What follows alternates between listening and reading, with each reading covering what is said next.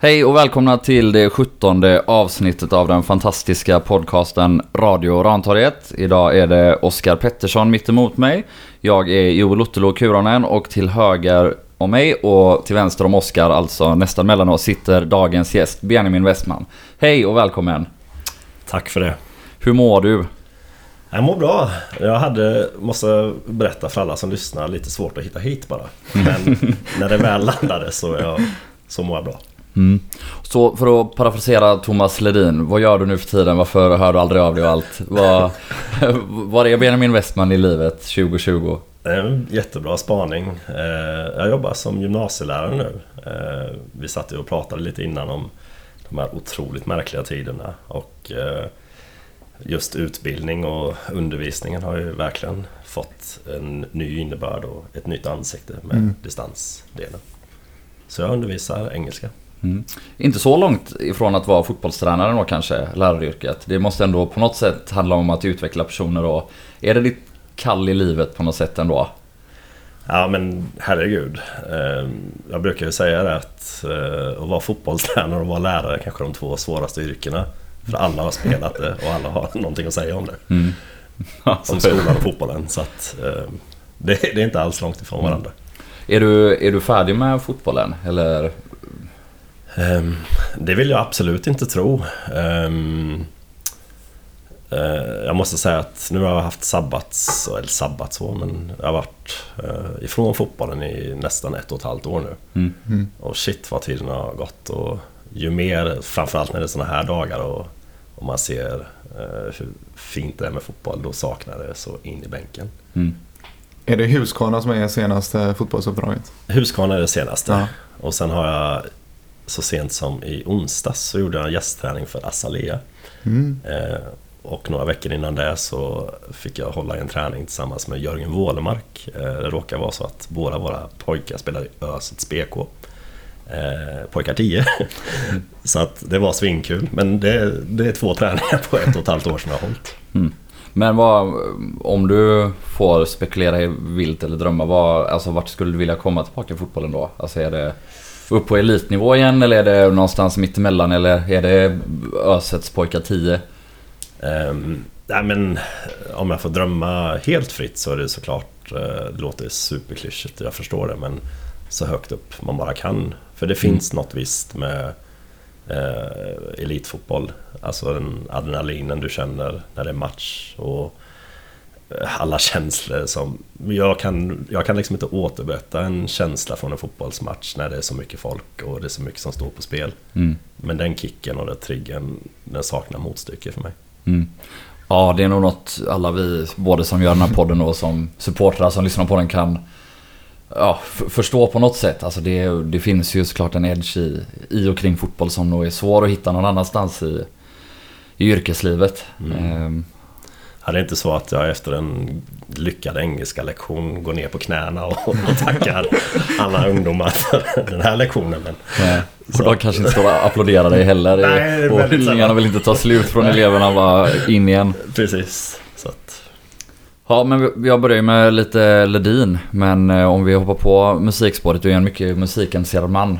Eh, och Håkan Hellström då, som jag personligen gillar, har ju släppt en ny halv platta. Vad, vad tycker du om den till att börja med? Eller vad, um, eller vad spelas hemma hos dig just nu? Om vi tar det så istället.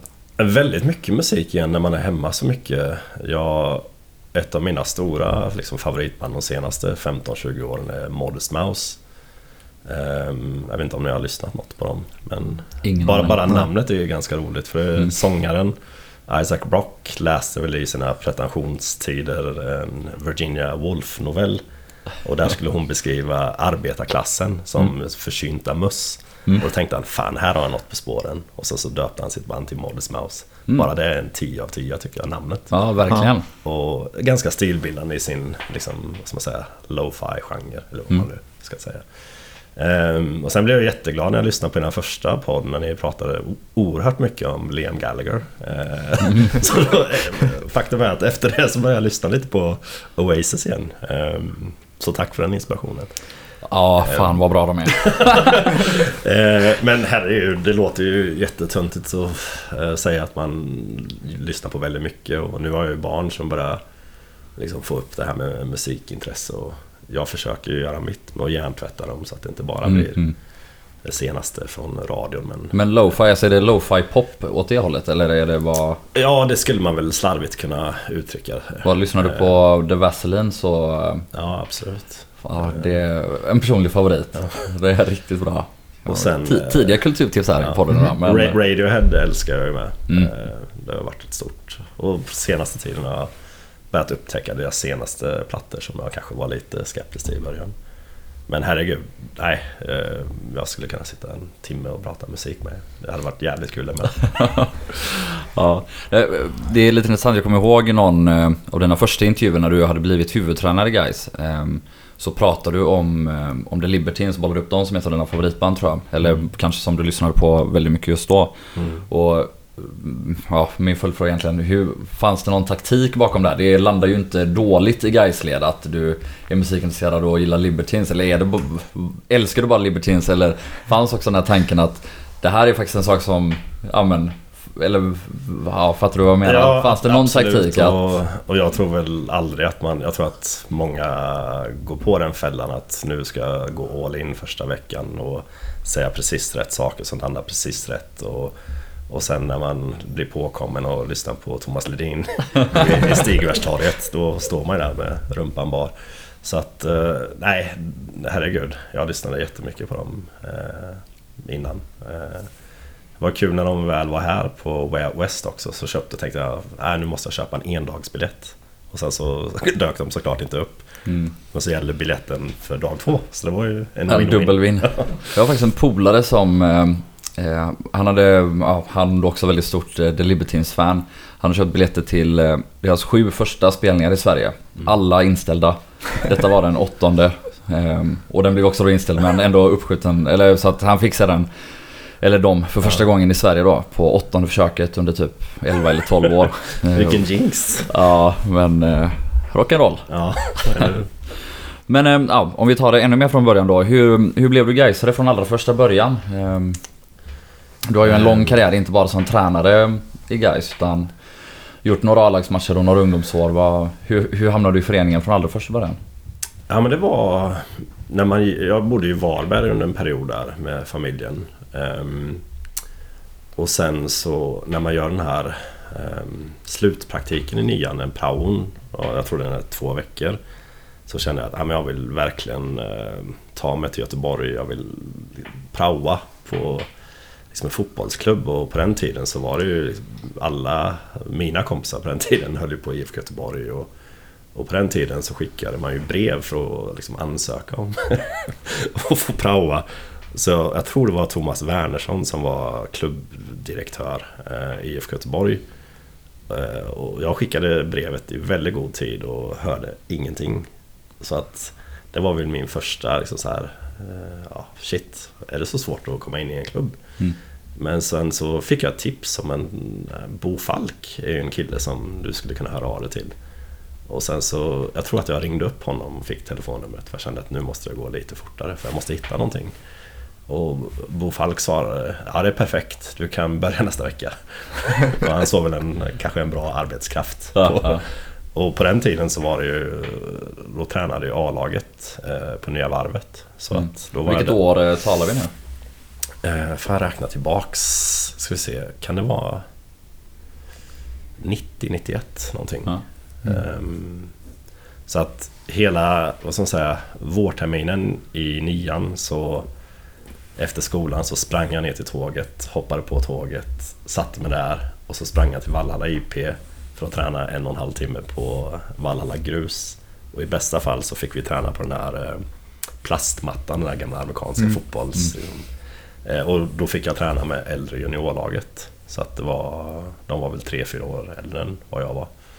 Ehm, och jag fastnade ju direkt för jag tyckte det var... Dels var ju kvaliteten så väldigt, väldigt bra. Ehm, och jag blev eld och lågor när de sa att ja, men vi, vi vill att du kommer till oss permanent. Mm. Ehm, och på den tiden så kollade de väl runt och liksom, kan vi hitta något rum till Benjamin? Ehm, och sen så hamnade jag liksom i en Gais familj En kille som heter Conny Källström som fortfarande gå på väldigt mycket guys matcher som hade ett rum extra. Och där eh, fick jag bo eh, första perioden. Eh, och sen fan, hur mycket roliga minnen som helst från den tiden. Jag, jag fick ju vara med och avgöra DM-finalen mot ÖIS. Ehm, eh, på Valhalla, nej på, på Heden, Heden 4 tror jag, på gruset. En novemberdag. Och på den tiden så var ju Göteborgsfotbollen och juniorfotbollen mycket, mycket hetare än vad jag upplever att den har varit på hur länge som helst. För då hade du Frölunda, du hade Gunnilse, var ju med Jeffrey Wabin och det där gänget. Mm, och mm. Blåvitt såklart, eh, ÖIS med Allbäck och de här var väl... Så att det var sånt liksom, tryck. Mm. Så att det var ganska stort för, för oss att vinna DM. Mot alla andra liksom, stora, stygga drakar. Hur länge var du i Gais som spelare? Ehm, tre och ett halvt år eh, blev det väl sammanlagt. Och sen under den vevan så flyttade mina föräldrar tillbaks till USA där jag ursprungligen kommer ifrån. Mm. Och jag kände väl att ja, men jag vill så jäkla mycket med fotbollen så jag stannade väl ett år egentligen eh, efter. Eh, men kände väl i kombination med att jag inte spelar så mycket i A-laget och ni vet ju det, alla unga tycker att de ska spela varje dag. Tränarna är alltid dumma i huvudet och så vidare. Så att eh, jag hade ju inte tålamodet riktigt så det räckte och kände väl en viss saknad av familjen som hade flyttat. Så att det, ja, det var så den sessionen slutade. Eh, på den tiden så var det väl Hans Gren och Bea Strömberg som var tränare. Men om jag kommer, rätt, kommer ihåg rätt från gamla intervjuer så du hade inga tankar på att bli tränare redan då? Utan... Nej, nej, oh nej. Ehm, och jag, jag gjorde väl min, mina sista år i Utsikten. Och redan när jag började närma mig 30-31 så kände jag så här. "Ah, Jag är rätt färdig med att spela. Mm. Nej, det fick vara bra. För jag, vi gick ju dit ett gäng kompisar för att liksom varva ner och så vann vi fyra, vi vann, vi vann Mm. trean och sen så Var var vann vi inte uppe i du tvåan. skytteligan typ varje år också? Jo, det Eller blev- jag det har för blev mig att det var... Ja. Det blev det absolut. Ehm, och sen så Tony Persson som jag hade som juniortränare. ehm, han var ju på mig lite titt som tätt. "Ja, Men kan du inte tänka dig att ta ah, ett pojklag i guys och sådär. Och, och jag var så här, ah, jag vet inte. Men till slut så hoppade jag på en tränarutbildning som de erbjöd på universitetet. Eh, Och kände att ja, men det kan ju vara kul att, att testa någonting. Så i- den vevan, jag kommer inte riktigt ihåg vilket år det var, om det var 08 kanske. Så hoppade jag med i ett pojklag eh, på kvällsbasis och tänkte att ja, men jag, jag testar ett år så vet jag i alla fall vad jag har att förhålla mig till. Mm.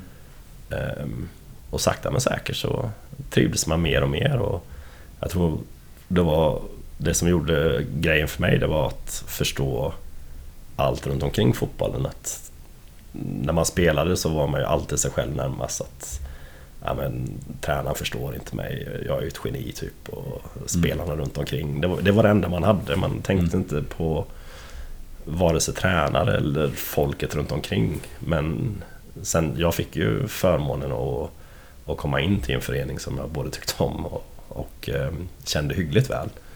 Eh, så att, och, och sen så gick det väl relativt fort med att vara pojklagstränare till juniortränare till... Ja, Det går väl väldigt fort. Det är väl i princip på tre år som du går från, eller fyra kanske, om du går i princip från pojklagstränare till eh, ansvarig för akademi och, och allt, alltihopa eller? Ja, det blev väl...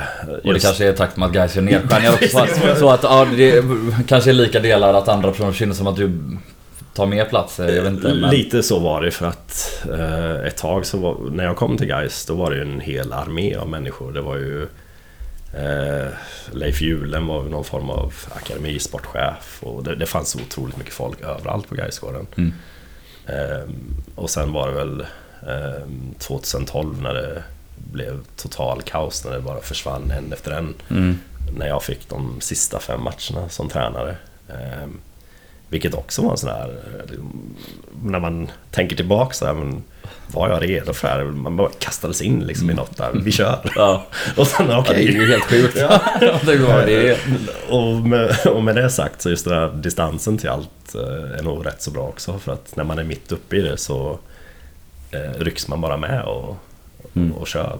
Men var det så att eftersom, eller alla andra försvann och, och du blev kvar för att du hade något hjärta för klubben och bara kunde, man kunde liksom lassa på dig ännu mer arbetsansvar och du tog det och fortsatte eller? Eller hur, hur gick det till liksom Mm. den här vägen till 2012 och, och dels då inhoppet eh, som A-lagstränare under slutet men också ja, som akademichef som du sen blev igen då efter 12? Ja, jag vill ju tro och hoppas att jobbet jag gjorde i akademin uppskattades av de som bestämde på den tiden och, och såg att vi gjorde ändå rätt så bra resultat. Ehm, och sen så tror jag väl att den stora grejen 2012 det var att ja, men, få bara lugn på någon, någonting på Gaisgården. Mm. Och då, och då tror jag också att det var tacksamt att, att fråga om jag kunde ta det. Ehm, tillsammans med min assisterande Jonas Lundén. Viktigt att tillägga. Ja. Ehm, för det var ju ett sjukt märkligt år. Mm. Jag har just tänkt på det ibland så här med Vad är de märkligaste platserna på Gaisgården? Eh, och det måste vara parkeringsplatsen. Jag tänkte på det här om dagen bara att det är så mycket som har skett på den där parkeringsplatsen genom åren och väldigt få positiva saker. Jag kommer ihåg ja, men när A-laget skulle hem från Norrköping. Eh, Ja, jag kommer också ihåg det. Ja, jag var ju inte på något sätt där. Jag förstod ju ganska snabbt vad, vad det handlade om. Och sen Östersund. Och så Mm. såg man liksom bara vilsna människor och desillusionerade människor. Och det året som eh, folk fick sluta i parti och minut, då stod liksom mer eller mindre alla uppradade på parkeringsplatsen där. Ja, nästa man. Ja, du får tyvärr lämna oss vidare. Och sen var jag ju själv med om det, herregud, Mm. så Varberg. Mm, Eh, mm. Så att just parkeringsplatsen och Gaisgården är inget jag Det hade rekommenderar en- folk att gå till. Vi hade en parkeringshändelse även eh, föregående säsong. Ja, det var så. Det Och vi var... låste ju in bilarna. Eller vi. Just vi. det, just det. Vi och vi. Men eh, Så det är någonting med parkeringsplatsen. Ja, det är sant Väldigt, faktiskt. eh, Onekligen. det kanske vi kanske har knäckt nöten äntligen. Eh, Vad har Gais problem varit de senaste åren? Det är den här parkeringsplatsen. Måste gräva upp bara den. grabba upp den. definitivt. Men, men om vi stannar kvar lite Ja. i 2012 och, eh, och hela året. Alltså hur, vad kommer du ihåg från året? Eller hur upplevde du det? Så, alltså du är ju mitt inne i det men kanske inte var så mycket ändå inne i A-lags... Eller du kastas ju in i det då till slut under 2012 men... Men jag antar att du i början av 2012 fanns väl lite en tanke på att du skulle ha någonting med det att göra? Nej, nej, det fanns ju verkligen inte. Sen var jag ju med något pass i veckan för att... Jag tyckte det var ganska bra för juniorverksamheten och vara med i Axén och dem. Mm. Och se lite vad de gjorde för att kan sen applicera vissa delar på juniorverksamheten. Så att, och sen hade vi ju allt, jag hade, eftersom jag coachade u laget så kände man ju till alla spelare. Så att, Mm. Ehm, men det mest fascinerande eh, är ju hur, hur fort det kan gå i en, i en fotbollsklubb. Att 2011 så tror man ju att ja, guys är odödliga. Det, det kommer bara bli bättre och bättre och bättre. Mm. Och det var ju min känsla med för det var ju också året som vi vann den här Tipsley Trophy med ungdomarna 2011. Att man ser vad framgång föder framgång. Och man ser också det motsatta, hur förödande en motgång kan vara. Att, eh, min känsla när man eh, blickar tillbaks återigen är att vi har väl inte varit tillräckligt, och parie, tillräckligt bra på att parera vare sig framgångar eller motgångar. Nej. Ehm, och då kan det gå ruskigt fort åt Mm. båda håll. Hade vi kunnat göra någonting annorlunda? Eller självklart hade vi kunnat göra massvis annorlunda men... Hade vi kunnat göra, alltså i läget som är 2012 Kunde Axén ha räddat om han hade fått gå kvar eller Fanns det liksom saker som förvärrade under året? Eh, eller förbättrade eller? Eller var vi bara en så svagt uppbyggd förening att, att den där bubblan skulle spruckit förr eller senare? Det är Inte så otroligt drastiskt som det blev. Eh, för man, ni- det kan ju ni mycket bättre än vad jag, men efter tio omgångar så hade väl laget ännu 10 poäng eller något åt det. Exakt. Mm. Och då tycker jag ju fortfarande att, ja men... Man har ju chansen då fortfarande. Ja, ja att Mm. okej, vi får revidera våra tankar om att bli eh, topp tre i Allsvenskan, men nu ska vi bara liksom spela av säsongen. Och, och då tror jag ändå att man får liksom kanske blicka tillbaka lite till 11. Att har Axén blivit så otroligt dålig på ett halvår? Det tror inte jag i varje fall. Antagligen inte. Så, och jag menar, allt bra han ändå gjorde under sina A-lagsår, så där kände jag väl att det var väl kanske ja, misstag nummer ett. Mm. Det, ja, jag har inte grävt så mycket i mina tankar, men det är väl det jag spontant kan känna. Mm. Ja, och sen Jan Mark är väl också en uppenbar fel, felscoutning. Tycker Eller, eller icke-scoutning. Men skit i det, herregud, vem bryr sig om honom? Eh, I alla fall då, 2013 så blir du tillbaka till akademin och blir kvar under några år. Eh, kändes det som en degradering igen eller var du själv ändå så pass... Kände du att du var omogen eller, eller kände du hunger efter mer när du ändå fick de här matcherna 2012? Även om det blev väl bara förluster. Jag kan tänka mig att det måste varit eh, hyfsat jobbigt att få ta den rollen 2012 också. Ja, men- samtidigt så här, jag kommer ihåg den första matchen, om vi bara spolar tillbaka bandet lite grann, det var väl Elfsborg och, som ännu vann det året och den kommer jag ihåg, fan vilken bra match vi gjorde. Mm. Och Agge som fick liksom göra sina första minuter i A-laget och hade en bärande roll och Erik Johansson var, kände jag liksom att det finns ändå någonting hos grabbarna som var där att de ville ju inte gå där liksom nollade de sista matcherna. Och då kände jag också att han var mycket man kan göra ändå med en Mm. grupp om eh, det är det minsta. Men i min, liksom, i den vevan så gick jag ju den här pro-utbildningen också. eh, som man måste gå för att, ha, eh, för att vara tränare i ett elitlag. Och då kände jag också såklart att ehm, men det kanske är dags att ha ett seniorlag för att det är nog otroligt enkelt om man liksom år efter år kör på med juniorverksamheten. Och det är absolut inget fel med den, den har jag vurmat för i väldigt, väldigt många år. Men när man får liksom möjlighet att eh, eh, se seniorsidan och vad mycket varje match betyder. Mm. Då är det svårt att fullt gå tillbaks till eh, juniorvardagen. Mm. Eller akademivardagen. Var det någonsin nära att det blev någon annan klubb än Gais som seniortränare? Ehm, jag fick väl några lösa förfrågningar på, av division 1-karaktär på den tiden. Och, men inget som var tillräckligt intressant. För jag kände väl ändå att jag kanske var nära i den vevan när Thomas Askeman blev tränare. Mm. Ehm, då kände jag väl kanske att ja, men här har jag en möjlighet. Mm. Och sen så blev det inte så. ehm, och sen så kanske jag kände i nästa veva att ja, men nu har guys testat alla konstellationer som finns. Eh, superstjärnetränare, eh, härliga sköna typer och så vidare. och så vidare. Eh, när ska man titta inifrån? Mm. Eh, och då kände jag väl att det var läge för mig. Eh, ja, det var ju en dröm för mig också såklart att, att få bli det. Eh, och en stolthet som jag fortfarande bär med mig. Mm. Mm. Är det främst en fördel att vara Gaisare som Gais-tränare eller har det också nackdelar? Ehm, jag, jag tror väl att ehm, vissa delar uh, gynnar dig om du tycker om föreningen. Alltså jag har alltid känt mig väldigt bekväm och, och trygg i den stora supporterskaran när man ska handla på Hemköp efter en jobbig förlust så är det liksom inte så att jag känner oh shit, nu borde jag Mm. Mm.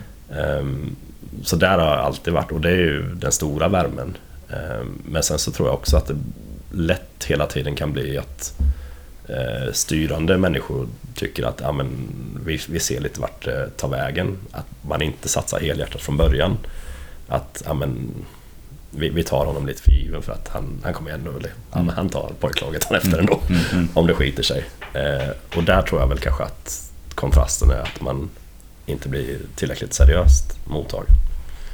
Ehm, ja. Mm. Så fördelar utåt, vissa nackdelar inåt. Ja, Lite och väldigt, hals- väldigt slarvigt Ja, eh, formulerat kanske men det är väl två stora saker Mm. åt två vitt skilda håll. Men det måste ändå vara en stolthet också att bära med sig just det här med ett, att du har ett... För du har ju ett fortsatt gott rykte bland supporterleden i Gais. Mer så än kanske andra tränare vi har haft de senaste åren sedan 2012. Det måste Mm. kännas skönt ändå, särskilt med lite distans till det att... Ja men herregud, jag, jag blir alltid super, super glad och, och stanna till och, och prata fotboll med Gaisare även om man inte har en susning om vem människan är. Så känner jag en sån stolthet att men de känner igen mig och Mm. vill prata lite fotboll. Eh, det värmer jätte, jättemycket. Det, Vad, vad har du för relation till Gais idag? Alltså går du på matcherna? Vad, hur känner du för klubben idag? Nej, men jag känner ju såklart... Eh, Gais har ju sedan jag var ja, 15 år haft en relativt central del i mitt liv. Eh, så den kommer alltid att finnas där. Eh, med ren fysisk närvaro så har jag inte sett en gais match sen jag lämnade. Mm. Och det är på sätt och vis lite tragiskt men Sen har det liksom inte riktigt varit säsongen när man har känt, ja men fan vilket skönt flow det är. och nu kan jag sitta lite och ta det lugnt här. Utan det har varit kanske lite väl mycket upp och ner. Ehm, men min förhoppning är absolut att gå på en match i år. Stefan Jakobsson känner jag sedan tidigare, en kanonkille på alla sätt och vis. Så att, ehm, jag undrar honom all framgång i, i föreningen nu. Och jag hoppas verkligen kunna gå på en match i år. Om vi då ska hoppa på Stefan Jakobsson bollen, som du ändå Mm. upp den själv. Vem, vem är han? Eller vad vet du om honom? Vad kan du ge oss? Ja, men jag har ju träffat honom i egentligen tre olika skepnader, jag på att säga. Det första var ju när eh, han tränade Skövde. Eh, för då hade ju Gais ett samarbetsavtal. Eh, och då var han och någon Skövde-delegation nere på Gaisgården. Mm. Och sen så var jag liksom i kraft av att jag var juniortränare. Eh, och sen Axén och några till satt vi ett liksom, halvdagsmöte. Och redan där, och då fick jag ett gott intryck av Stefan. Och det var ju mer på personlig basis. Och sen så flyttade han till Degerfors och hade deras motsvarande U19, om jag inte minns fel. Så då träffade jag honom lite i akademisvängen. Mm. Och sen då när han blev eh, huvudtränare för Degerfors så fick jag ju träffa honom i den vevan. Mm. Så att eh, det är en super, super bra eh, och seriös kille. Eh, och jag hoppas att han, han får ut det han vill få ut. Eh, för att Gais är speciellt. Mm. Det är det det, är, det är lätt här att, att mysmysa i, men efter tio matcher, hur, stort tålamod är det då? Att, eh, och så vidare. så att, men jag, jag tycker de har träffat rätt med honom. Hur bra har, koll har du på spelartruppen som Guys sitter på nu? Du, jag vet ju ändå att det är ett par spelare där och varit i kontakt med olika sammanhang innan. Ja, ehm, Kalle Nyström är ju kvar och han var väl mer eller mindre den första spelaren som jag var med och, och tog till Gais. Mm. Ehm, Bra gjort. Ja. Tack. Ehm, Niklas Andersén var ju också en ganska tidig rekrytering. Ehm, och han hoppas jag bara får gå skadefri för att han har så jäkla mycket mer än vad han har liksom kunnat visa upp. Det har varit för hackig period för honom i, i Gais so far. Ehm, och sen så, eh, det är klart Mervan, ehm, han förstärkte ju vårt juniorlag något år. Eh, mitt, eller hans sista junioråldersår. Så att eh, då lärde jag känna honom och fan, det är ju jätte, jättekul. Mm. Ehm, och jag tror ju att, jag, jag förstår ju att Ricky har en ansträngd relation till, till eh, många supportrar men jag tror ju ändå att man har fått en klassforward. För det är en goalscorer. Mm. Och Det är det ju. Och, Punkt och det är väl Ja. kanske det Gais har saknat. Sen Mm. i viss mån Luka nätade lite grann. Mm. Ehm, och får han bara ut liksom, en bråkdel av vad han kan och med den liksom, anfallsbesättningen bakom så det kan bli jättekul. Ehm, så att eh, framåt känns det väldigt, väldigt bra. Jag tycker väl fortfarande att, ja, jag vet inte hur många år man har liksom saknat det här aset centralt. Eh, lite Patrik Vera-typen. Mm. Ehm, Ja, för, er som, för er som inte vet vem Patrik Vera var. Så. Nej, men David Batty och de, alltså man, Ja. ett svin. Mm. eh, Ja, men som skyddar backlinjen och, och körs box till box. Ja, och ta de här taktiska frisparkarna och bara Mm. är en, äcklig. idiot liksom. Ja, Eh, exakt. Jag, jag tycker att man, man har saknat den spelaren, jag vet inte hur många år. I, i viss mån till och med när det gick hyggligt bra i Allsvenskan. Mm. Ja, det är väl sen Spång nästan. Om, Ja, och nu ja, han var ju också då skadefull och inte alltid med och så. Men det är väl ja, senast vi ser hade den spelartypen kanske. den här lite oglamorösa som ändå... Jag, jag tycker väl fortfarande att man saknar den Mm. spelaren. Mm. Men sen har jag väl inte jättebra koll, det, det kan jag inte påstå. Men i alla fall, eh, 2015 då är det väl i oktober som du till slut får chansen. Eh, Mm. Sista tre matcherna. Första matchen är BP borta va? Ja, Åker upp och Wagsley tjongar in den från efter en halv målvaktstabbe. Och vi räddar kontraktet i princip. Eh, hur kändes det? Både matchen och att ja, få ta över och i ett så prekärt läge. Och, Ja men det var ju... Shit vad surrealistiskt det var. Jag var ju... Eh, jag var ju på en sån här ut eller fortbildningsresa eh, med Göteborgs fotbollsförbund på Island. Och sen så fick jag liksom något sms att, eh, från Thomas Andersson då, vill du vara med och rädda klubben? Frågetecken.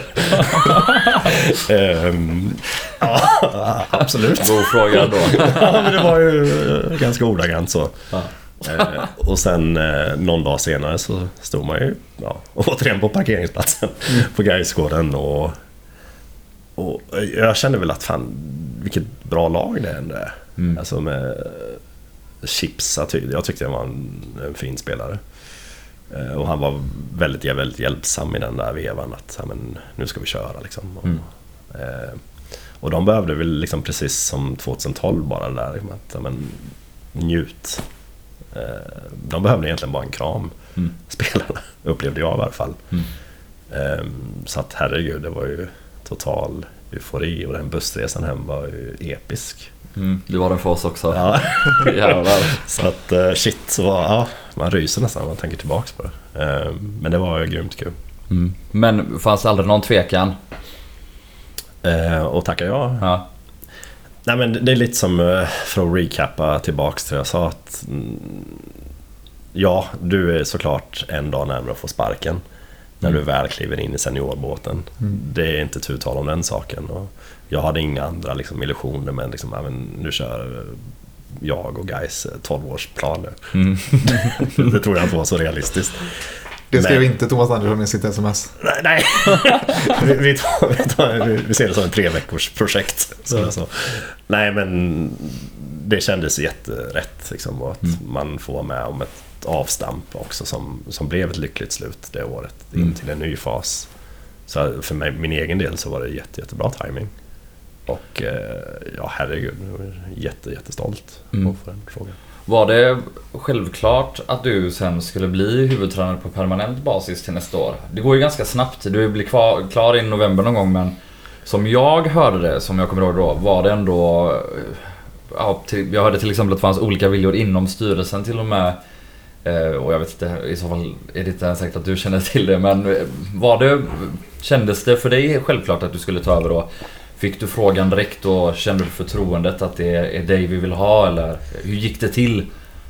Ja, men det är nog spot on det du säger att um, jag har ju alltid varit så att um, jag, tror, jag tror att de viktigaste besluten i en fotbollsförening tas i de mörkaste rummen i på Avenyn. det är min känsla. Jag kan ha fel. Mm. Ehm, och visst, det kan nog absolut vara så att ja, men, eh, man vill ha in något lite flashigare namn. Mm. Eh, och nu vill vi liksom se tillbaka till den här sketsäsongen när vi klarar oss kvar med nöd och näppe. Nu går vi verkligen in på en etablerad tränare. Mm. Det fanns säkert de falangerna i styrelsen. Mm. Eh, Men sen när allt var liksom said and done så, så kände jag att ja, men, då fann, jag kände inte att ja, men här har du armbågen, Nej. vi testar. Mm. Men visst, jag, jag är inte naiv. Jag, jag förstår ju att det säkert fanns vissa, vissa falanger i, i gruppen som Mm. tog beslut. Och Jesper Ljung, först kliver du in som assisterande till honom de här tre sista matcherna. Eller på lika...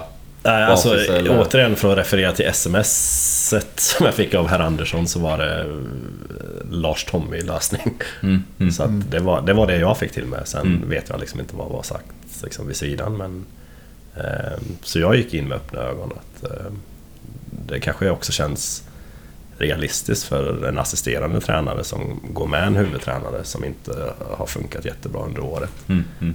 Då, då kanske det är också viktigt att laget känner att ja, men nu kommer den in på åtminstone samma nivå. Den nya rösten, ja precis. Ja, eller, ja precis. Mm. Så att för mig var det också självklart att det skulle vara så. Mm. Och för sen då till nästa år så blir väl du ändå huvudansvarig och Jesper Ljung assisterande. Mm. Och det är ju en sak som åtminstone har spekulerats mycket om att det kanske var ett misstag och att det blev lite schismer och jag vet inte, hur upplevde du det? Eh, Alltså utifrån sett blir det ju lätt en lite märklig situation i alla fall att tänka sig att du först kommer in, ja, kanske som sam, eller på samma nivå eller snarare att han kanske är den med lite mer pondus. Mm. och sen till nästa år liksom byter man nästan på de här rollerna. Även om det kanske inte exakt var så, så upplevdes det lite så utifrån. Var det svårt att hantera och, och Ja balansera? men, eh, ja herregud och, och det är väl lika bra att vara ärlig med de bitarna att eh, det var ingen optimal situation vare sig för honom eller för mig. Mm. Ehm, för det här var ju på något sätt ännu... Det skulle vara min liksom, största lycka och möjlighet och glädje. Och sen kunde man liksom inte riktigt känna, att även ens på hösten när det var ledigt, att men, vad går jag in med för värde Mm. eh, inför nästa år? Och jag tror det med en dåres envishet att eh, en huvudtränare oavsett vilket lag det är bör välja sin andra man. Mm. För att ehm, man behöver inte hålla med om allt men när det finns ens det minsta liksom att ja, men, jag skulle vilja ha ditt jobb. Mm. Eh, det förstår ju alla att det är ingen optimal situation. Nej. Och in, återigen inte för någon av oss. Ehm, så att det är klart att det var väldigt, väldigt tufft och lite märkligt. Ja, där känns väl ändå som att då Gais kanske har lärt sig sin läxa på någon strukturell nivå. Att Ingelsten väldigt omtyckt och, och uppskattad eh, på många sätt i föreningen de senaste åren. Att han inte får fortsätta som assisterande till Jakobsson utan han faktiskt får välja sin egen gubbe istället. Att det är ju tråkigt såklart för Ingelsten men det kanske är det bästa för föreningen. Vi får se om tiden ger oss rätt. Eller så kanske vi sitter med Jakobsson här om två, tre år och säger att vi skulle haft Ingelsten. Nej men shit, det, man kan nog säga väldigt mycket om det men det var ingen optimal situation. Nej. Det, det var det inte. Så i alla fall då, 2016 blir första året som eh, eh, tränare eller huvudtränare där du är med från början. Eh, och egentligen då första året som seniortränare helt och hållet. Eh, ändå ett till största delen lyckat år. Ganska tråkig avslutning där vi ja, men, fejdar ut eller där det bara ebbar ut i, i något sorts eh, ingenmansland. Vi har ju faktiskt lite häng där under hösten, eh, alltså kanske inte på topp tre men fjärde, femteplatsen ett tag i alla fall. Och Framförallt då när Dardan kommer in känner man ju att jäklar, du vet får vi bara fortsätta bygga på det här till nästa år eh, så kan det bli riktigt kul. Robin Book gör ju faktiskt några, eh, två, tre riktigt sagolika matcher där man ja, såg lite av det han har visat upp nu i Varberg eh, några år senare. Ja absolut. Men om du, om du sammanfattar 2016, vad, hur var känslan inför, under och efter året? Och, Ja, men det är lite kopplat till det vi pratade om nyss. Att utifrån grundförutsättningar att ja, men ni två ska köra. Mm. Så, så får jag ändå säga att eh, det var ett väldigt lyckat spelmässigt år. Eh, jag kan ju till och med vara så att jag kan titta tillbaks ibland på gamla matcher och så här. Och jag gillar verkligen fotbollen som vi presterade. Någon, vi hade ju en 10 matchers period där. Ehm, med allt ifrån Öster i kuppen var det väl till eh, Varberg hemma till... Det var några sjukt bra genomförda matcher och man kände att allt bara flöt och precis som Mm. du säger, Dardan kommer in och gör mål från alla håll och kanter och Luther Singh eh, är inte ens självklar i en startelva. Mm, Och, mm. Så att vi, vi fick till en väldigt nykter eh, konkurrenssituation också. Ehm, och ja, eh, jag kommer inte riktigt ihåg men mål gjorde vi i alla fall i, i mängder ett tag. Mm. Ehm, och sen så, jag tror väl ett litet bekymmer var att vi blev jag tror vi var till och med matematiskt klara när det var åtta matcher kvar det året. Ja, något sånt. Mm. Och sen så precis i den vevan som du nämnde där att ja, men, nu, nu ska vi titta på en tredje plats den finns inom Mm. räckhåll. Så kommer um, Ljungskile hemma. Som låg tok, tok sist. Mm. Och sen torskar vi med 3-0 eller vad fan det var. Mm. Och där kände man också att Var det då Linus Tornblad snubblade in? Ja. Mål. Hans tur, hans första den säsongen. Ja. Ja, Jag kommer ihåg den matchen väldigt väl för det var verkligen så här luften ur eh, känsla eh, ja, flera dagar efteråt. För det var bara... Ja, och det var ju så, allt var ju upplagt va, men den här kan vi inte förlora. Mm. Så vad hände? Varför förlorade vi? Eller vad? Nej, jätte, jättebra fråga men jag vill ju minnas att det var tre lite freak-mål. Att jag Mm. tror 1-0 målet är någon liksom, en osann situation. Och sen, Jag får mig att det är dubbla motlägg. Ja, som båda ja. studsar. Ja, men, ja, det och sen så tror jag tvåan är eh, när vi har en hörna. Och sen ja, åker vi på en omställning när vi har en offensiv hörna. Mm. Eh, och sen, ja. Nej, vissa matcher är så otroligt svåra att bara förklara, eller en rationell förklaring till. För Mm. allt var ju upplagt detta men nu, nu kanske vi är där och nosar Mm. och får en jättetrevlig höst. Ja, och i alla fall året ebbar ut i något sorts ja, tråkigt avslut. Eh, Är det det som är grunden till det, den dåliga starten 2017 eller? Eh, Sen, man skulle kanske komma ihåg då, om jag får recap lite snabbt. Det hände ju mycket guys där under vintern. Det eh, blåser upp massa grejer kring Thomas Andersson. Den här fotbollskanalen, artikeln är där. Gud ja. Ja men där han pekas ut som någon, eh, jag vet inte, diktator eller En Kindberg. Ja, lite så. Och, och jag vet inte, man får väl uttrycka sig försiktigt men ordentligt. Alltså Thomas Andersson är ju en mycket speciell man, extremt engagerad. Eh, har finger med i många spel, vill tala med alla. Eh, men ja, absolut inte som det framgick i den artikeln. Eh, men ja, det, det snackas ju då om att han tog ut startelvor till exempel. Eh, att han körde över dig. Det pratades också om att han ville ha Bosko redan innan säsongen 2017. Eh, och ja, inte bara han då utan, eh, utan Gais som klubb. Eh, Ja, allt detta, inget av detta. Vad, vad leder till vad och vad, vad hände 2017? För vi får ju en, en riktigt risig start trots att vi har, vi har Det var, det var så mycket grejer du broderade ut att jag blev alldeles svettig. Ehm, nej men, men återigen, jag, jag tror man, man får se 2000, eh, eller den säsongen på ett nyktert sätt. att När var det liksom sist guys hade en lugn säsong? Alltså, vi, ju var, vi var safe. 2016. Mm, eh, vi var safe. Det fanns supermånga embryon till att det här skulle kunna bli lyckat. Vi fick med Dardan ett år till. Det kändes som det var relativt lugn och ro. Mm. Ehm, och sen när det kommer såna här grejer på fotbollskanalen och när man liksom hör att det internt så att det liksom sprids liksom inifrån klubben. Mm. Och det är ju fruktansvärt. Mm. Eh, och, saker som man egentligen inte kan parera. Det kan finnas bittra människor eller arga på ditt och datt, på Thomas, på mig, jag vet inte. Ehm, men det är klart att det är inte den lugnande rapporten som spelartruppen får Nej. eh, in, inför nästa säsong. Så där kände jag ju, dels så blir man ju väldigt underminerad själv. Att, eh, det måste man ju klargöra en gång för alla. att Thomas Andersson satt ju inte och skrev sms dagen innan att han och han och han ska spela. Självklart inte. Eh, han kunde ju tycka till innan säsongen och efter varje match så kunde han ju ge liksom, ja men så här, Mm. så jag det. Men eh, inte att han skulle ge mig startelver och göra det här. Mm. Men det blev ju att det blev en ännu jobbigare åktur. Dels var det kanske kämpigt lite på ledningshållet. Och sen så ska man gå in med en sån här ganska... Den var ju... Fan, jag tror inte ens vi igenom den här artikeln. Den var ju bibliskt lång. Det var den. Alltså det, jag, det tog ju aldrig slut. Nej. Och för de som väl liksom lä, läste den från perm till perm, det är klart att de undrar vad fan är det som sker? Och jag tyckte väl det jobbigaste för mig, det var att känna sig underminerad. För att Mm. Jag tycker väl ändå, jag vill inte låta självgod, men jag har gjort väldigt mycket för föreningen. Mm. Och jag, jag tycker inte att eh, man ska se till vissa saker och, och sen eh, ta bort liksom allt. Det, det var det som smärtade mest. Mm. Och det är ju tufft att säga vad man vill men det är klart att spelare läser både sociala medier och diverse rapporter oavsett vad de säger så ja, det här kanske finns något. Mm. Och sen så är det liksom igång. Så att det är jävligt svårt att parera sådana där stora grejer som sker. Mm. Och det, det är klart att det, det tog ju hårt. Och även om man liksom... Nej men...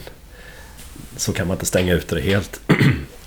Men jag, jag gick ändå in med en hyggligt god förhoppning 2017 va? Mm. Att det här skulle... Ja men det är, vi, har, vi har något på spåren. Ja, för vi, alltså om man kollar rent truppmässigt, det är väl då vi plockar in Johan Svan också som vinner poängligan året innan. I Värnamo. I Värnamo. Just det. Och Steven Old och Nyström kändes som att ja, men om de bara får stå där uppe på hörnorna och Svan kan slå in dem så kommer vi göra 10 mål bara på det. Och ja, men Dardan och Luka Mm. som vi sa, Deston Luther Singh. Mm. Eh, vi har ju ändå en trupp som... Eh, det är väl 2017 som jag tror att vi har en trupp som ändå är tredje bäst betald och som vi då på årsmötet budgeterar med en femte plats. Alltså okej. Ja, wow. Galet eh, såklart på alla sätt och vis men det borde ju inte... Ja, känns, det borde inte ha gått så dåligt som det, som det ändå gör. Nej, men jag- när du jag- tänker tillbaka på det och reflekterar, vad, vad borde du ha gjort annorlunda? Eller kunde du ha gjort något annorlunda? Eller är det bara yttre omständigheter som... Nej har- gud nej. Jag, jag är väl den första liksom att blicka inåt och se vad, vad kunde jag ha gjort annorlunda. Och jag tycker väl fortfarande att eh, skadan på Dan Keat gjorde ju ont för oss. För det var väl det närmsta det här evighetsmaskinen i mitten som, som vi kunde liksom få lite kläm på. Och när inte han höll så var det tunt. Och och för alla som eh, jobbar med det här och, och det är så ju också liksom att det, det är uppenbart att det saknas någonting centralt. ehm, av den karaktären. Så att ehm, jag kanske inte skulle ha liksom mixtrat så mycket med laget heller. För jag, jag kände ju att ja, men, var det inför Helsingborgsmatchen när vi spelade 0-0 va? På Ullevi. Så gick jag nog över till en 3-5-2 Mm. och kände att ja, men, ehm, det här är väl kanske något som, vi, som, som kan vara modellen. Att eh, spelarna kanske får en annan tilltro till det vi gör. Och, ja, men jag måste testa. Men med facit i hand så kanske man eh, inte skulle ha gjort det. Eller Mm. man, jag skulle inte ha gjort det. Så att, ehm, men det, det är nog lätt liksom när det börjar brännas liksom och det känns att fan, nu måste det hända någonting. Mm. Ehm, För spelet var ju inte jättebra eh, under inledningen heller. Det var väl... Mötte vi inte Frej första matchen? Det får ni hjälpa mig att minnas. Men jag tror vi mötte Frej första matchen, både det 16 och 17. 16 är det väl?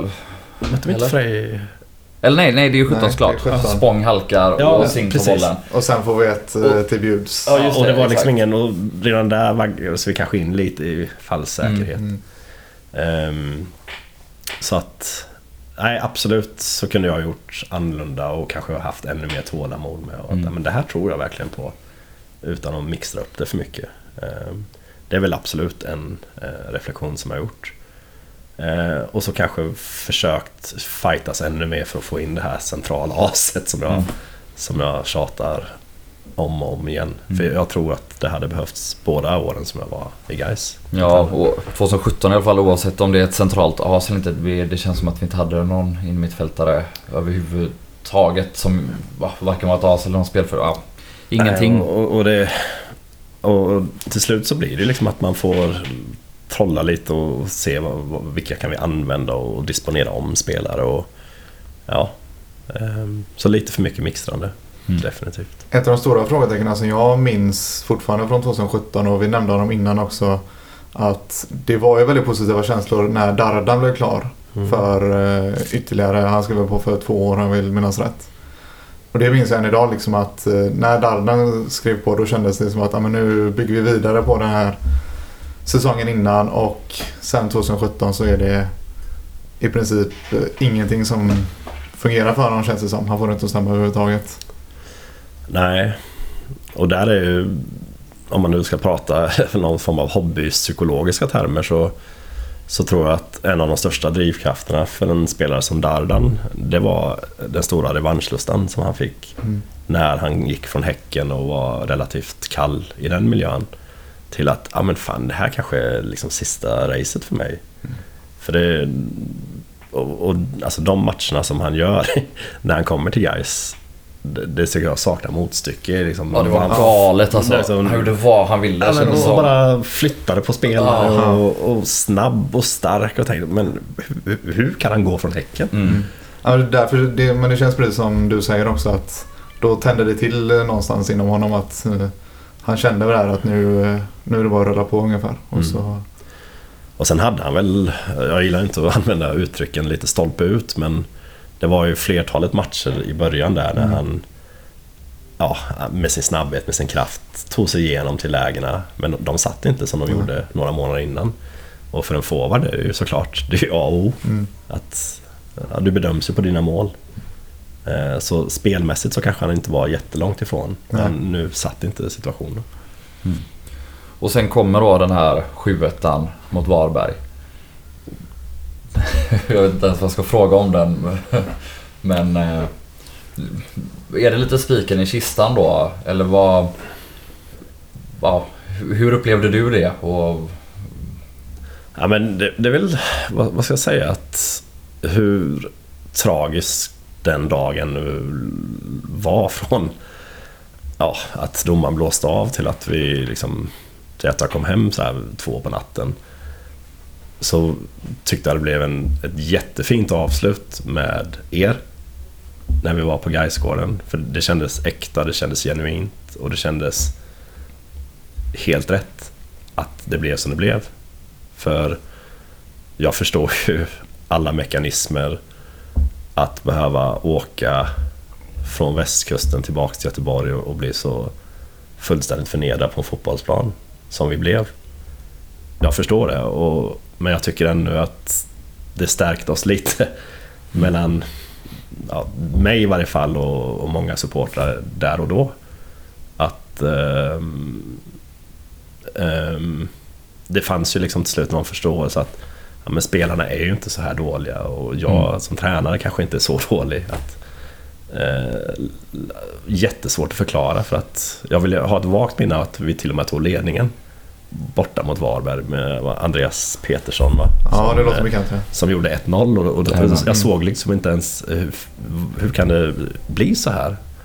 Och när man liksom tittar tillbaks på målen och situationerna. Att det kändes som vi var, ja, det var första eller andra gången vi spelade fotboll. Ja, ja det, det är en sinnessjuk match. Alltså, nu behöver man kanske inte peka så mycket finger, men jag tror att Damir, han missar väl tre inlägg där han bara alltså fullkomligt hänger tvätt. Och han har ju visat både innan och efter det att han är en väldigt bra målvakt. Så mm. det är en sinnessjuk match på så många sätt. Men det är som jag både då och så här i efterhand kan reagera på ändå att... Eh, att ingen sätter stopp för det tidigare på något sätt. Jag tror att Andersén, när vi ligger under med 6-1, tar han ett gult kort. Mm. han gör en sån här, sparkar ner någon. Mm. Och jag vet inte om det alltid är rätt men att inte den reaktionen kom tidigare ändå, att det blev så mycket pyspunka. Det kändes lite som att säsongen fram till den punkten ändå på något sätt hade kokat ner till det. Att vi var på väg, vi kanske var tvungna att krascha för att kunna vända nästan.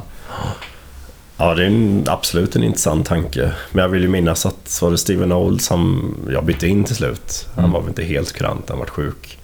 Och det första han gör är att riva ner någon så att eh, det blir straff. Ja. Och jag, jag, tror att det var den initiala reaktionen. Ja. Och det tror jag det kan ha en förklaring till att folk blev räddare och räddare. Mm, mm. Shit, om jag ska in och exponeras och vi ligger under med 5-0 eller 5-1 mm. och tar ett rött, hur ska folk liksom... Så att, konstigt nog så blev man ännu mer tillbakadragen. Liksom, det var ingen som bröstade upp sig och ja, tog det här sviniga mm. som man kanske behöver i, i sådana situationer. Men det, det är ju så svårt. Det var ju jättekonstigt för ett halvår innan så fick man ju stå med 7-0 seger. Mm. Och sen så, shit, vad hände där? Mm. Och ibland så, ja, så är det jättesvårt att förklara hur matcher rinner iväg på det här sättet. Men snyggt var det inte. Mm. Eh, och för att bolla tillbaks till vad det liksom spiken i kistan för mig. Så tycker jag ju ändå att vi visade matchen efter, även om det var kanske superettans sämsta match alla kategorier när vi vann med 1-0 mot Gävle. Mm. Eh, så känner jag men det finns ju liksom en, det är klart att det var ängsligt på plan, det var ängsligt på läktaren. Liksom hur, mm. hur ska man gå in? Vad är ingångsvärdet i den där matchen? Så finns det ju liksom ändå någonting tycker jag, att vi mm. håller nollan. Vi gör mål på en fast situation, Steven Old nickar in den. Vi vinner. Mm. Ja, efter en sån krasch som Varberg så är det väl den tillbakastudsen man vill ha. Liksom det. En pissmatch som vi vinner. Ja, se ut lite så. Och där, där kände jag liksom en... Ja men nu går vi ännu in mot Degerfors mm. borta. Mm. Att okej, okay, vi har bra möjligheter här. Och det är klart att man kände liksom efter, efter en 7 så, så känns det inte bra någonstans. Jag förstår ju att det, det surras och det si och så men jag tycker ändå att killarna landade fantastiskt väl i Gävle hemma mm. och, och då var det någonting att bygga vidare på. Och sen så var det ju Degerfors borta där jag ännu tycker att vi gör en rätt så bra första halvlek. Alltså jag tycker att det är den bästa matchen vi gör det året. Eller ja, vi gör några bra matcher på hösten sen men dittills det året så tycker jag att Degerfors är den klart bästa matchen spelmässigt. Eh, och jag kommer ihåg alltså Jag tyckte att det var så märkligt då att du får sparken efter en... Jag hade typ tyckt det var mer rimligt om man dagen efter 7 sagt nej det här går inte, tack och hej. Lite italienskt. Ja, ja, men, ja, men ändå på något sätt mer rimligt än att först så studsar vi ändå då tillbaka katastrofalt spelmässigt men tre poäng. Och det är det enda man vill ha matchen efter. Sen går vi upp borta mot ett Degerfors som är ganska bra och gör en, ja, kanske den bästa spelmässiga insatsen på året och efter det fattar man beslutet om kicken. Jag tycker att, att det är så märkligt. Vad, wow, jag antar att du är ju såklart bias i det här liksom men, men hur kändes det då att, att få sparka? Eller kändes det ändå inte som att vändningen var på gång? Jo, men vi pratade ju nyss om Dardan och jag kommer ihåg att det var ju hans överlägset bästa match. För det var ju den Dardan som han gjorde precis vad han ville. Och hade han varit liksom i höstens målform så hade vi kanske lätt med 3-0 i paus. Mm. För spelmässigt så jag är benägen att hålla med att definitivt en av de bättre fighterna över 90 minuter. Ehm, så att visst, om man pratar om timing och så. Och sen får man inte blunda för det faktumet att jag tror vi var fyra poäng från en fjärde plats Mm. Om man nu ska liksom se poäng och, och vad det leder. Ja, det är också en märklig grej. Vi låg ju nia Ja. då när du får sparken. Och eh, om man kollar poängsnitt över superettan-tränarna så är det ju två efter Askebrand. Mhm. Ehm, ja, alla tränare som har varit i Gais sedan 2013. Mm. Och ja, alltså så sett måste... hade jag varit du, hade jag varit jävligt bitter över att liksom få kicken. Visserligen efter den här 7 alltså den går ju inte att blunda för. Den finns där och den är jävligt mycket i vägen. Men ändå med ett väldigt bra poängsnitt, med ett väldigt bra och helt stabilt år. Och sen visserligen en jätteplump med 7 men fortfarande så ligger du nia, eller ni, laget såklart. Mm. Och har också studsat tillbaka efter det här och ändå... Varför hatar du inte guys idag? Ja, men det är väl, jag, jag tror alltid det är viktigt att hålla i, isär liksom, eh, sak och person här för att Gais är ju inte en eller två personer. Det är så otroligt många mer. Och jag kommer ihåg Alltså just ja, uppbyggnaden till att jag får lämna den är ju jävligt weird hela den veckan. Mm. Men jag fick ju också väldigt mycket Jag kommer ihåg när jag kom hem till lägenheten och så står det en blombukett från Paula Mm. eh, Horal, jättefin liten text där hon skriver liksom, tack för den här tiden. Och, ja, jag tror inte tränare får sånt om det Nej. inte är liksom äkta. Att eh, det är en random människa som ger dig en ros, det, det är ju inte det. Och, och sådana saker betyder ju mycket såklart. Att, ehm, och det finns, herregud, alltså, så många år i förening i, i alla former. Mm. Det är ju ett privilegium för mig att fått göra allt jag fått göra guys från juniorspelare till att få känna på A-lagsspel till akademin, till pojklag, till junior, till A-lag. Det, det är ju skitcoolt kan jag Mm. tycka nu. Mm. Jag tyckte ju inte det samma dag, givetvis. Nej. Men, men jag, mm, det är väl en liten replik på att när man allt satt sig så, så finns det saker som man inte kan påverka. Mm. Men också den här märkliga situationen, du skulle fortsätta leda laget i fyra fem dagar efter du hade fått sparken va? Ja, jag, jag fick väl en ganska tydlig hint om att de letade nytt. Ja. Och då tänker jag, okej, gör man det så, så är det väl bättre att dra plåstret. Liksom. Mm. Men jag fick ju hålla god min och jag, jag kommer ihåg jag fick kalla in hela spelartruppen för att det stod väl i diverse tidningar att... ja, Boska är klar. Eller vad det nu var, jag, kommer inte ihåg. Ja, det stod det, det, stod det i GP. Att Gais letar nytt och hej och hå. Ehm, och det är klart, återigen, spelarna läser ju. Ehm, så jag kände att inför den träningen som jag liksom hade fått till med allt det här så kallade jag in hela gruppen i, och jag, jag vill ta er själva nu. Jag vill inte ha någon liksom, runt omkring person utan det är jag och så är det spelartruppen. Och eh, förklara för dem att eh, ja, jag har fått till med det här och det här. Ehm, och jag hoppas att vi ändå tills någonting är klart eller kanske sker, något annat, jag vet inte. Mm. Så ska vi ändå vara proffsiga in i slutet. Och då tror jag det var en dosan som sa liksom, jättefint, så det var ju helt knäpptyst där. Det var inte så att... Men det var dosan som sa att ja, men, du är våran tränare tills eh, det är något annat. Mm. Och sen så tränade vi på. Ehm, men det är klart, och sen var det väl Trelleborg va? Eh, matchen efter Degerfors. Mm. Så att jag förberedde liksom hela veckan för Trelleborg, för det måste jag göra Mm. tills den dagen är liksom, nej, nu är det klart. Så det var ju en jätte, jättemärklig känsla. Ehm, Men till slut så fick jag ju samma dag som den matchförberedande träningen för Trelleborg, då fick jag ju till mig beskedet att ehm, eh, Ja, också en sån ytterligare en märklig grej. Mm. Att antingen borde det kanske komma några dagar innan eller så kan man väl lika gärna låta dig hålla i den matchen. Ja. Kan jag tycka. Men eh, vad vet jag? Jag är blott en simpel bagare. Kan, inget om, kan inte så mycket om fotboll. Nej då, men nej, det, märkligare veckor får man nog leta efter. Hur är relationen till Thomas Andersson idag då? Eller hur var den då? Och, eller det är ju inte bara han såklart utan det är ju Gais. Men hur, hur hanterar du hela situationen? Utåt sett så skötte du det otroligt snyggt. Pratade i GP om sa knappt ett ont ord om Gais trots eh, att det liksom i princip var klart med en annan tränare innan du hade fått officiellt kicken. Och, Ja, men jag har väl alltid försökt vara så att men ska jag verkligen liksom sjunka ner till den nivån? För jag vet hur otroligt sårad jag blev själv innan den här stora artikeln kom ut på Fotbollskanalen. Mm. Och när man liksom ja, mer eller mindre tror att det sker interna. eh, det- Jag ska inte liksom gå ut och, och grå- gråta för pressen. Att Mm.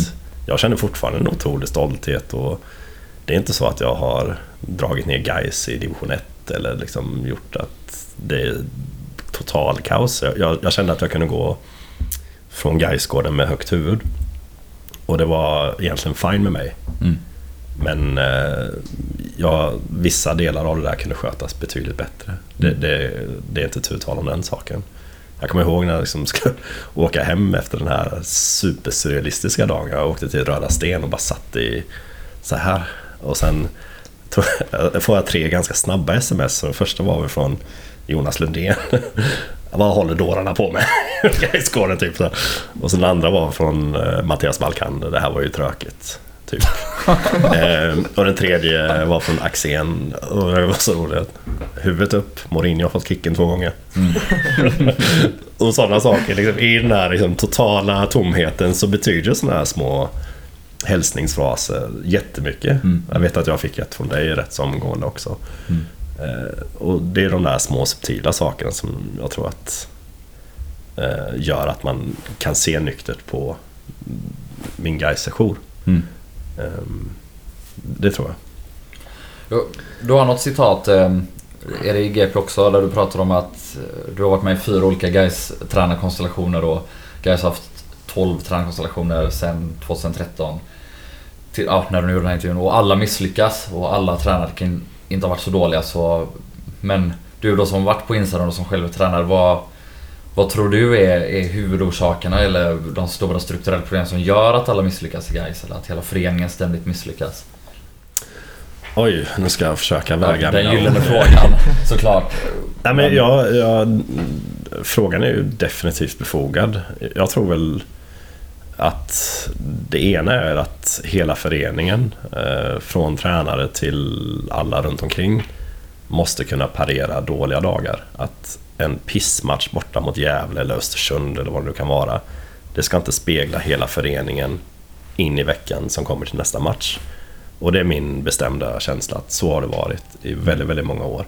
Att eh, allt är nattsvart för den matchen. Mm. Istället för att, ja men nu får vi closure. Den är borta nu. Mm.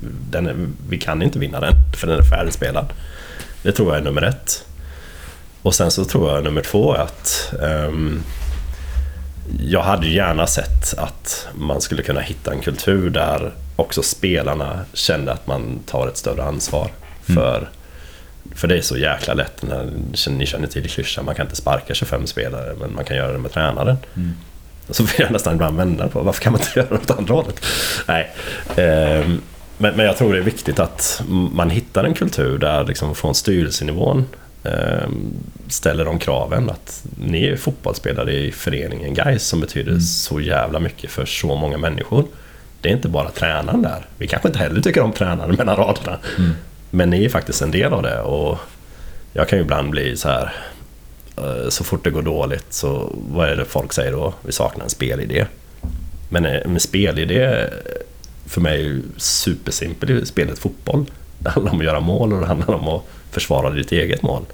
Men de här klyschorna kommer ju tillbaka. Så fort det ser lite dåligt ut så är det ja, men vi har ingen spelidé. Eller det var otydligt. Ja, men tänker jag, men är det inte bra om det är otydligt ibland? För då kan ni ju faktiskt lura era motståndare. Så det är sådana här liksom återkommande ja, klichéer som spel, spelar ut år efter år efter år. Mm. står med här uppe. Och där känner jag att där kan man ju ha liksom en strukturell diskussion kring vad är vad egentligen. För spelarna kan ju alltid fightas, de kan alltid springa, de kan alltid göra minimala och det ändå blir okej. Mm. Så att eh, mer ett, vad ska man säga, ett delat ansvar att jag äger min process. Det är inte tränaren som gör att vi vinner, det är inte tränaren som gör att vi förlorar. Det är en kombination av vad vi gör tillsammans. En- Och, och där tycker jag inte riktigt det har liksom landat 100% väl ut. Så någon sorts kulturförändring inom hela föreningen Ja, princip. eh, och det låter superpretentiöst att sitta i masthugget och säga det vad jag tycker. Liksom. Det här ska... Men, men Ja. något åt det hållet. Och jag tror att det hade varit så jäkla värdefullt att Mm. man liksom spolar tillbaka. Vad har vi haft för spelare? Vad har vi haft för tränare? Mm. Och vad är det som gör att vi liksom inte hittat den gemensamma nämnaren till det man skulle kunna kalla ett framgångskoncept? Mm. Nej, men jag tror definitivt du är något på spåren här för... Eller det är väl någon sorts... Man skulle väl nästan kunna översätta det till att säga att det blir lite känslostyrt på alla nivåer i guys. Och Alltså verkligen från oss fans också som... Det är himmel eller helvete. Mm. Alltså den nervositeten vi på läktaren också kan ha. Även om vi leder med 1-0 hemma ibland. Den, som, den ska man inte ha utan då kanske man bara ska känna trygghet och att pumpa på. Nu vinner vi det här och nu är det faktiskt bra och skönt och... Jag vet inte. Det är ju svårt att ändra på såklart. En, det är väl halvinbyggt i oss alla. Så det är kanske en lång och jobbig process att ändra på. Men... Men jag tror att någonting där behöver ske. Alltså, för, eh, Och det är ju allas ansvar om man vill liksom kalla sig Gaisare. Och det är tränare, det är spelare och givetvis alla för- som bryr sig om Gais. Ja, det känns, men det känns som det har varit en, någon sorts snöbollseffekt där sedan 2012 nästan. att Det blir, har blivit skörare trådar och kortare stub- stubiner på många håll. Liksom, och känslorna ligger närmare till hands när man har x antal dåliga säsonger i ryggen och så börjar det se trögt ut igen och så är det igång. Liksom. Mm. Men det är just att komma ur det där ekorrhjulet som vi nästan har fastnat i nu. Det... Mm. Ja. Då blev vi tysta allihopa. jag funderar själv så här. Det är alltid lätt att sitta och teoretisera något. Ja.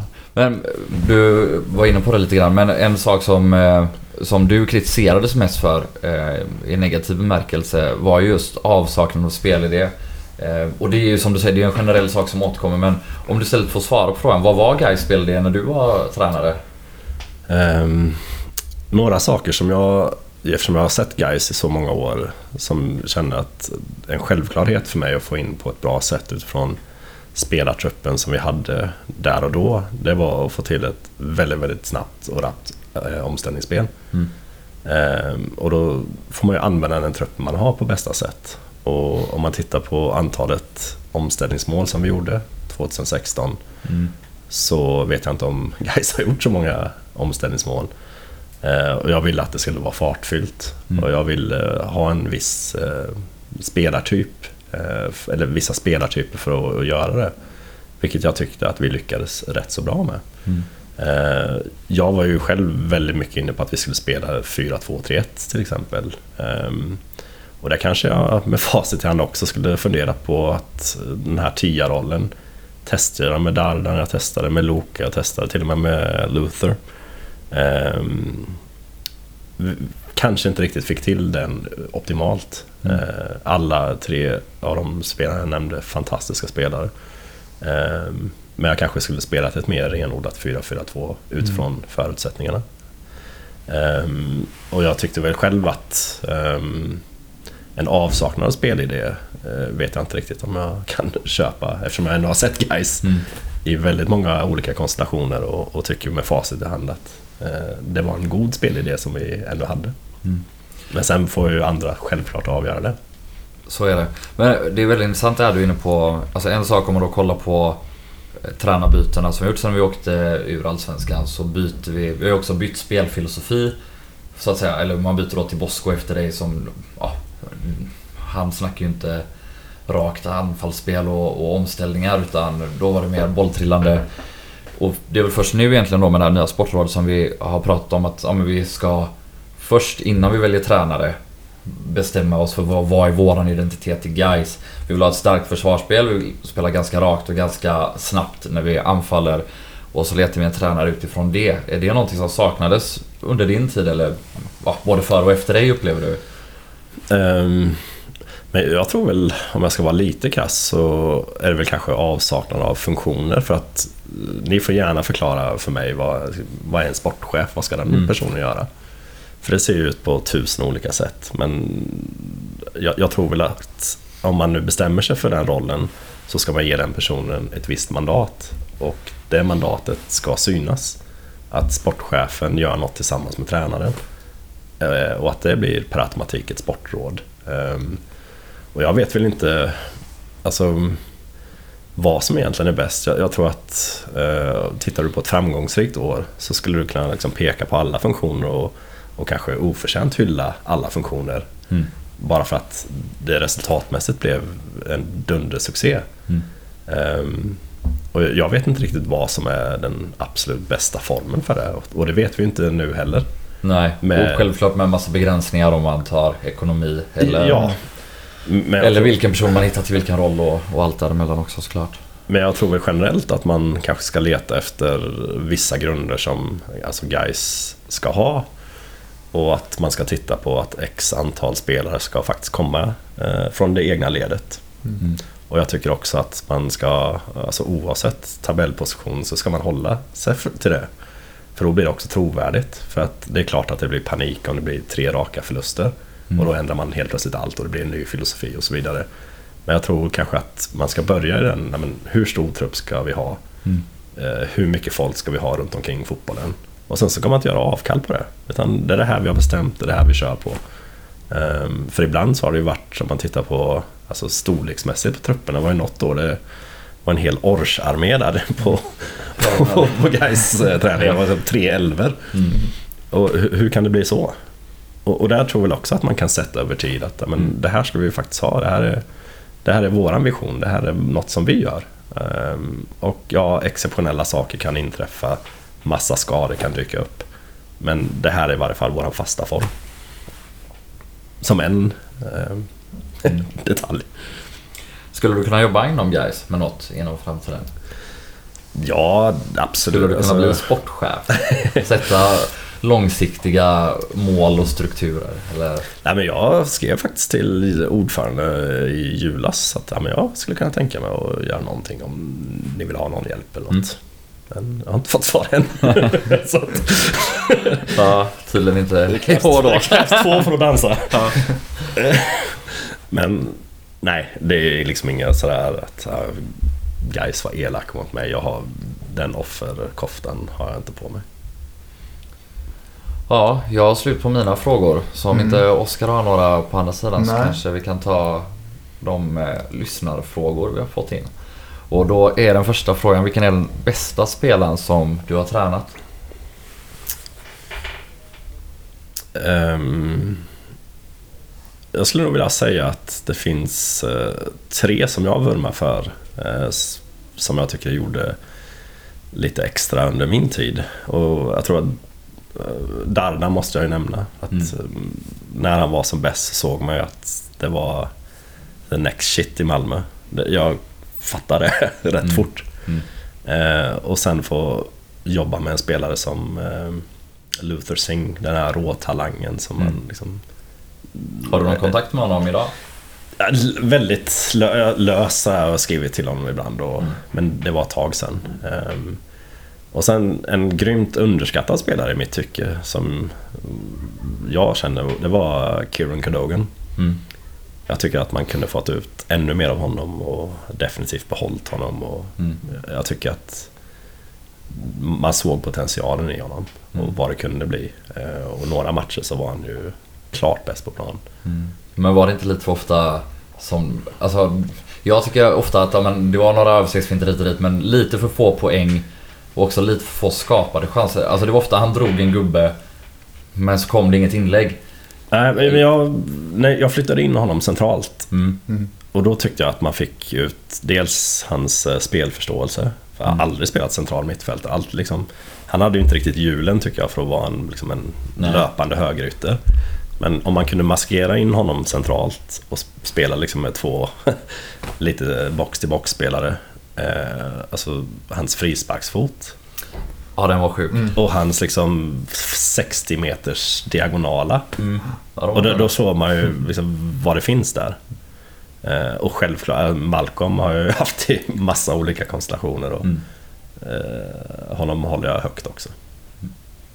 Så att, ja, det blev fyra till slut. Ja, det är okej. Eh, Fråga nummer två är om du har tips på några smultronställen i Göteborg. Det är en permitterad som har ställt den frågan tror jag. Ja, okej. Ehm,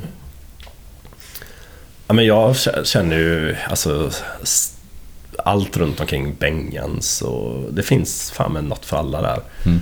Det finns ett gött café där man vill sitta och njuta och ta en öl, eh, bläddra bland vinylerna. Har man med sig ungarna så stressar man in en snabb öl och sen så går man till Triumfglass mitt emot. Och sen har jag sett att de har öppnat någon ny restaurang där. Ni kanske kan hjälpa mig med den? eller? Ja, den ligger precis vid det här falafelståndet. Vet ni var jag är Var någonstans? det mitt på torget eller? Mitt på torget. Och så där, ja precis, Gaisgårdsparkeringen.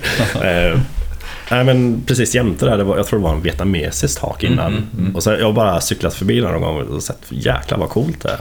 Servera vin, öl och mat. Ja, jag har sett Helt också. nytt. Men jag trodde att det var det vietnamesiska stället som bara hade skaffat en utservering. Men... eh, Nej, men nu, jag, nej, jag tror det är något helt Ja. nytt. Det Men, är eh, eh, Oceanens. är det det? Oceanens, Okej, säger tack. här i bakgrunden. Och även givetvis Oceanen. Så jag tycker det, det finns fasen något för alla där. Ehm, så det, det är ett öppet smultronställe. Ingen hemlighet på något sätt, men gå dit. Ja. Det är en uppmaning. Ja, men det är ett fint. Ja, men eh, vi går väl över till vårt härliga klassiska kulturtips som vi brukar avsluta eh, våra rundor med här. Så Oskar, du kan väl få börja om du har något härligt Ja. att tipsa om. Jag är dåligt förberedd. Jag halkade in på ett bananskal här igår. Men jag har eh, en Kvick, en humorshow. Ligger på eh, Spotify. Det är en, en humorshow som spelades in live av eh, Isak Jansson och eh, Ola Aurell. Som handlar om Thomas Quick. Eh, Jag tror den ligger på YouTube också. Eh, Den eh, lite smårolig. Så lyssna på den. Men det är det enda jag har. Så gott som något. Ja. Herregud. Benjamin. Okej, nu ska jag köra en trestegsraket här. Ehm, bara för att. Nu har jag fått, nu har jag fått så mycket Ja, tid. ja, ja, nu bygger du upp det här. Precis. Dum, dum. Nej men... Um, jag ska en väldigt lättsam boktips som jag skulle önska att många tog sig an. Det är alltså Shoe Dog heter den. Det är Nikes grundare eh, som har släppt sin biografi. Jag tror den släpptes för två år sedan. Men man får en sån sjuk insyn i liksom hela den här världen med sneakers som ju alla älskar. Eh, och liksom sättet han eh, gjorde ja, populärkultur av det. Ja, man, de träffade rätt så mycket, bara det här med att de eh, skrattade åt honom när han besökte NASA och började diskutera luftkuddar i dojan. Och alla vet ju att det blev ju air av det där. Mm. Och då fick ju alla haha. Eh, och sen att de skulle liksom eh, börja sätta skor på tennisspelare. Då var det inte liksom de bästa i världen utan men vem är det som sticker ut lite där? Men det är ju McEnroe. Han ska vi dressa med ett par grymma Nikes. Och sen givetvis liksom hela Michael Jordan-episoden där är ju väl värt. Eh, Och anledningen till att jag ville koppla det till eh, den boken det är att det är väl ingen som har missat eh, The Last Dance. Och det är så kul att en sån som Michael Jordan får en revival. För Mm. 90% har säkert inte ens hört talas om Michael Jordan men nu går de omkring med Air Jordan-dojor överallt. Mm, mm. Men den är ju ändå rätt cool att, att se och man, man blir ju på något sätt, ja, man måste ju älska liksom de här vinnarmekanismerna och, och hur han sitter där i sina Bermuda-shorts och... Den har fått lite kritik va? För att han äger väl ett av produktionsbolagen som har gjort den tror jag. Ja, Så- och, det, och det kan jag förstå, men med det sagt så tycker jag han, han duckar ju inte för att framstå som ett svin. Att han Nej. gick över lik för att bli den han var. Mm. Så jag tycker ändå liksom, han är ganska öppen för censur. Mm. Ehm, Men man kan ju tänka sig att han är egentligen då ett ännu värre svin. Det, är liksom det här de vågar presentera. Att Ja. det här kommer ändå med. Men- jag jag vet tror inte, jag har inte sett den och jag har ingen koll på det. Jag har bara läst att folk har skrivit det. Ja, men jag blev liksom ändå, formatet tyckte jag var väldigt härligt och, och boken definitivt eh, Shoe Dog och sen för er som har missat eh, Last Dance, den ska ni se. Och sen min lillebror, han heter Nick Westman och han är bosatt i Brooklyn så de är ju hardcore karantän nu. Men han har börjat eh, släppa mer och mer musik så att han har eh, precis släppt ett album som finns på Spotify. Den heter Nick Westman and the Central Plains. Och det är Plains, P-L-A-I-N-S om man nu vill söka upp det. Så det vill jag dra en lans för. Coolt. Mm. Jag vill först och främst tipsa om att detta är den eh, bästa tiden att besöka eh, eh, rhododendrondalen i Botaniska trädgården. Det är fortfarande så att de som kallas alpinrosor ibland, de lite mer höglänta rhododendrons från framförallt då Himalaya-trakten men hela sydvästra och även sydöstra Kina. De blommar fortfarande. De blommar ju lite tidigare än de nordamerikanska och de europeiska men även de börjar komma nu så om man går dit typ den här veckan så kan man få uppleva det bästa av båda dessa världar av rhododendrons. Det finns väl över 80 vilda arter i Göteborgs botaniska trädgård och ytterligare några hundra kultiverade. Så det är väl värt ett besök. Ehm, och om man vill eh, läsa en bok så kan man läsa eh, nu tappar jag namnet på den. Vad fan heter den? Striden om Haga eller något kanske. Skriven av Håkan Törn i alla fall. Handlar om eh, stadsomvandlingen i, eh, i Haga och eh, i Christiania och de motståndsrörelser mot stadsomvandlingen som fanns där och som fortfarande finns i Christiania. Och hur det har påverkat det allmänna politiska samtalet om vem som har rätt till staden. Både intressant om man har befunnit sig i Haga och ser, ja men det finns ju vissa bevarade hus och något bevarat kvarter även om det är ganska lite procentuellt sett eh. Eh, Så både intressant att man kan recappa lite vad som har hänt där men också väldigt intressant just den här frågan vem, vem är det som ska bestämma över staden? Vem, eh, vem bygger vi staden för? Är det för befolkningen som redan finns på platsen eller är det för att vi vill ha nya flashiga kontor som höjer värdet på marken? Så det kan jag rekommendera. Eh, vi har också lovat ljudtekniker Fredrik Johansson att eh, plugga att köpa årskort eller göra vad fan ni vill som ger lite pengar till guys. De har det tufft ekonomiskt som vanligt. Eh, så köp ett årskort, eh, swisha guys tifo, köp ett medlemskap i Gårdakvarnen, gör något kul för pengarna när de går till guys. Och så tackar vi Benjamin för att du ville komma. Fantastiskt kul att ha dig här. Tack för kulturtips och, och dina insikter om guys. Tack själva. Ja. Och tack Oskar och tack till alla er som lyssnar. Vi hörs. Tack ha det gött. Hej. Hej.